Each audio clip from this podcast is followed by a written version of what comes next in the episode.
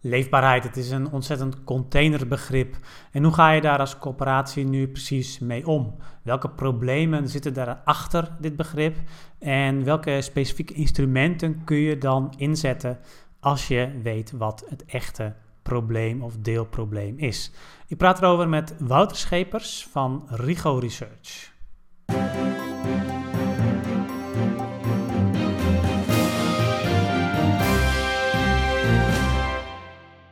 Uh, Wouter, welkom in deze podcast. Um, Dankjewel. Nou ja, jij werkt natuurlijk bij, uh, bij, bij, Rigo en uh, Rigo heeft vorig jaar een, um, ja, een toch wel breed bekend rapport, Veerkracht in het coöperatiebezit, gepubliceerd over ja. de kwetsbare doelgroepen die, die instromen in het, in, het, in het coöperatiebezit.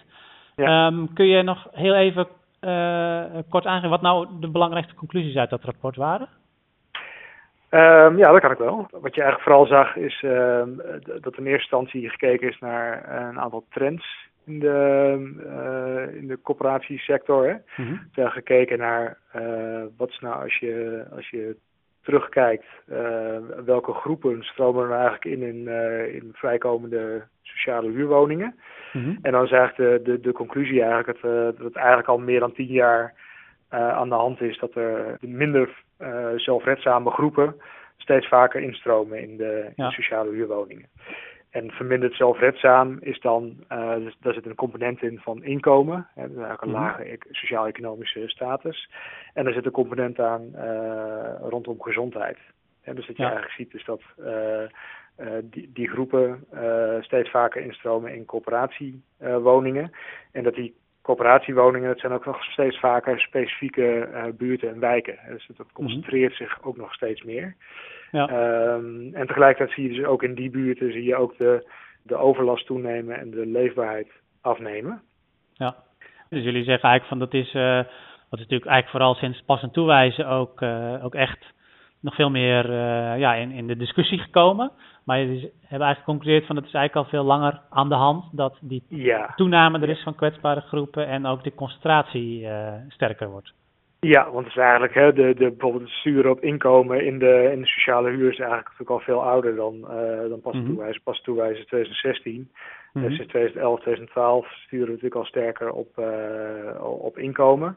Ja. Uh, en het ligt eigenlijk nog wel, hè, het, het, gaat vele kabinetten terug, bijvoorbeeld het Rijksbeleid. Uh, hè, dus, dus het is echt al een, een, eh, een, langjarige trend, zou je kunnen zeggen. Ja.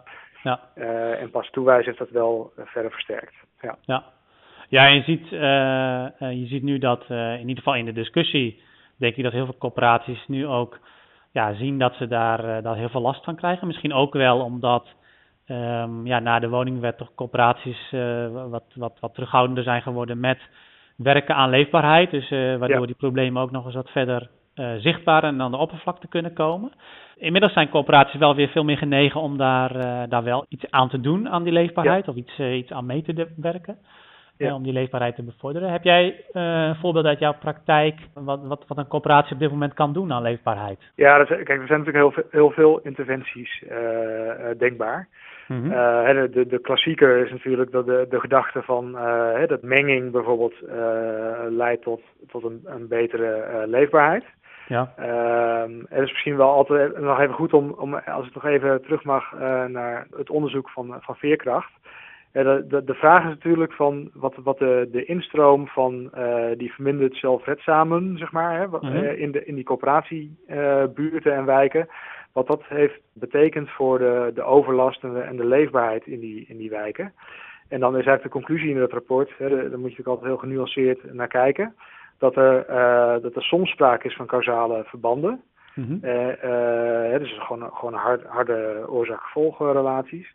En soms is er sprake van een plausibiliteit. Hè? Dus, dus ja. uh, het is aannemelijk. Kun je daar, kun je daar voorbeeld bij geven? Nou ja, dus, dus bijvoorbeeld uh, dus in, de, in, de, in de, de onderzoekers hebben een relatie gevonden tussen bijvoorbeeld verstandelijk beperkte en, en leefbaarheid, zeg maar. Hè? Dus ja. de, de, de, ja. de, versterkte instroom daarvan. Mm -hmm. Maar dat kan, je, dat kan je minder sterk zeggen bij bepaalde andere groepen. Hè? Dus je, ja. en, en wat het rapport ook heel duidelijk laat zien, dat vind ik ook wel heel aardig, is dat er dus ook buurten en wijken in Nederland zijn die bijvoorbeeld te maken hebben gehad met een versterkte instroom van uh, meer kwetsbare groepen. Mhm. En tegelijkertijd waar de leefbaarheid niet achteruit is gegaan, maar zelfs is verbeterd. Ja. dus dat, dat, dat roept ook een beetje de vraag op van wat, wat doen ze dan eigenlijk goed hè, in, die, uh, in die buurten en wijken. Dat is natuurlijk een hele... hele nee, dat wou ik eigenlijk net vragen. Wat doen ze dan goed? ja, ja. ja. dus dus uh, uh, je kan natuurlijk aan allerlei instrumenten denken hè, dus, uh, die, die hier een positieve bijdrage aan kunnen leveren. Dus dan heb je het bijvoorbeeld mm -hmm. over ingrijpen in, in vastgoed. Hè, dus bijvoorbeeld echt bijvoorbeeld meer differentiëren of kwaliteit mm -hmm. verbeteren. Ja.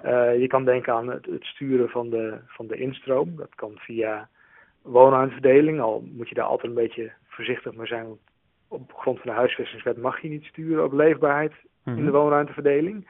Via huurbeleid bijvoorbeeld, hè, door bijvoorbeeld woningen duurder te positioneren, kan je natuurlijk via passend toewijzen ook een andere instroom uh, bewerkstelligen.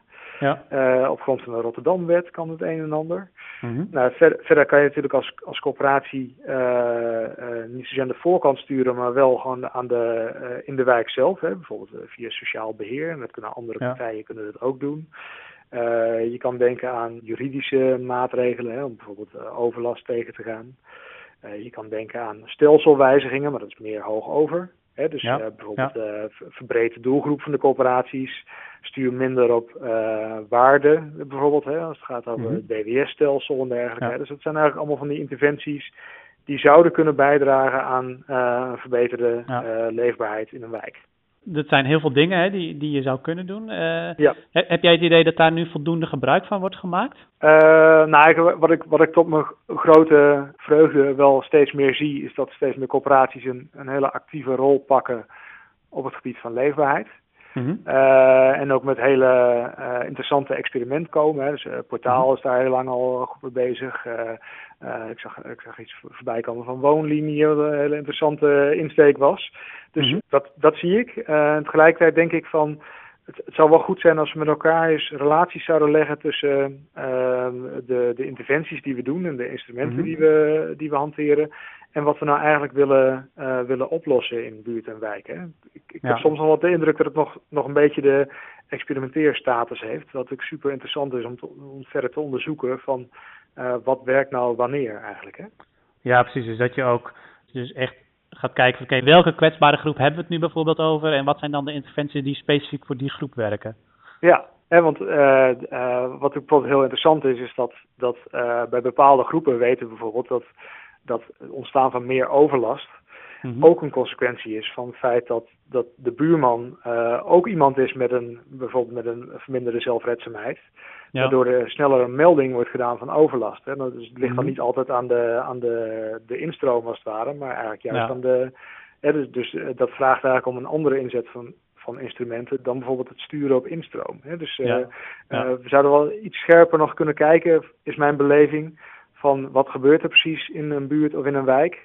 Ja. Uh, tot welke problemen leidt het dan en welke interventies zijn dan denkbaar of wenselijk en, en, en, wat leidt dan tot welk effect. Hè? Dus, dus die, die relaties... Dan. Je zegt dan van je zou dan eigenlijk in, in dat specifieke geval wat je net noemt, zou je dan eigenlijk ook veel breder moeten kijken. Niet alleen maar naar de doelgroep zelf, maar ook naar eigenlijk de, ja, zeg maar even de belastbaarheid van, van de omgeving waar, die, waar die kwetsbare ja. groep dan in komt. Ja, en, so, en, soms kan je gewoon, hè, uh, in Amsterdam heeft daar bijvoorbeeld een hele aardige voorbeelden van. Uh, waarbij er gewoon gezegd is van ja, uh, bijvoorbeeld uh, appartementen boven een, een café, die zijn, lijken in eerste instantie niet zo geschikt voor een bepaalde doelgroep die bijvoorbeeld heel mhm. gevoelig is voor prikkels en dergelijke. Ja, daar ja. hebben ze bijvoorbeeld via, via maatwerktoewijzing, hebben ze daar één of twee huishoudens geplaatst die, die bijvoorbeeld doof waren. Ja. dus dan kan je eigenlijk via, via maatwerkoplossingen. Ja. uh, dat is een heel, heel, heel simpel voorbeeld. Ja.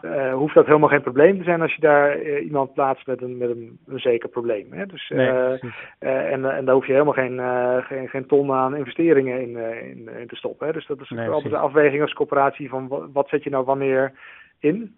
En ja. mijn, mijn uh, indruk daarbij is van dat het echt, echt gaat om maatwerk. Hè? Dus uh, elke buurt, ja. elke wijk in Nederland is anders.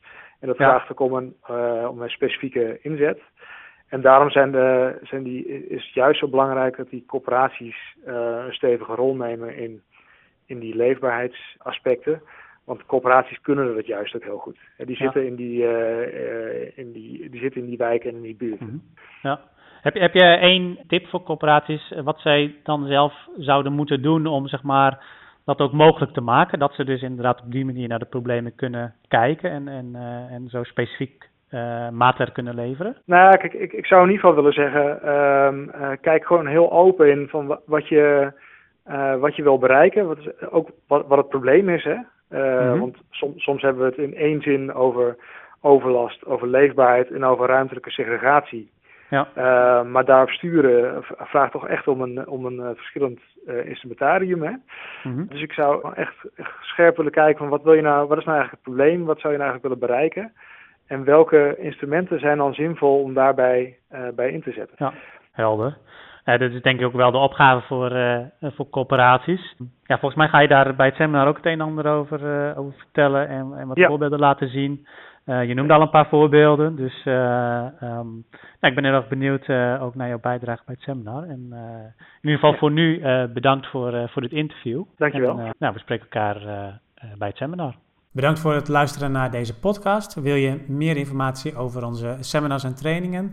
Kijk dan even op corporatiestratege.nl slash agenda.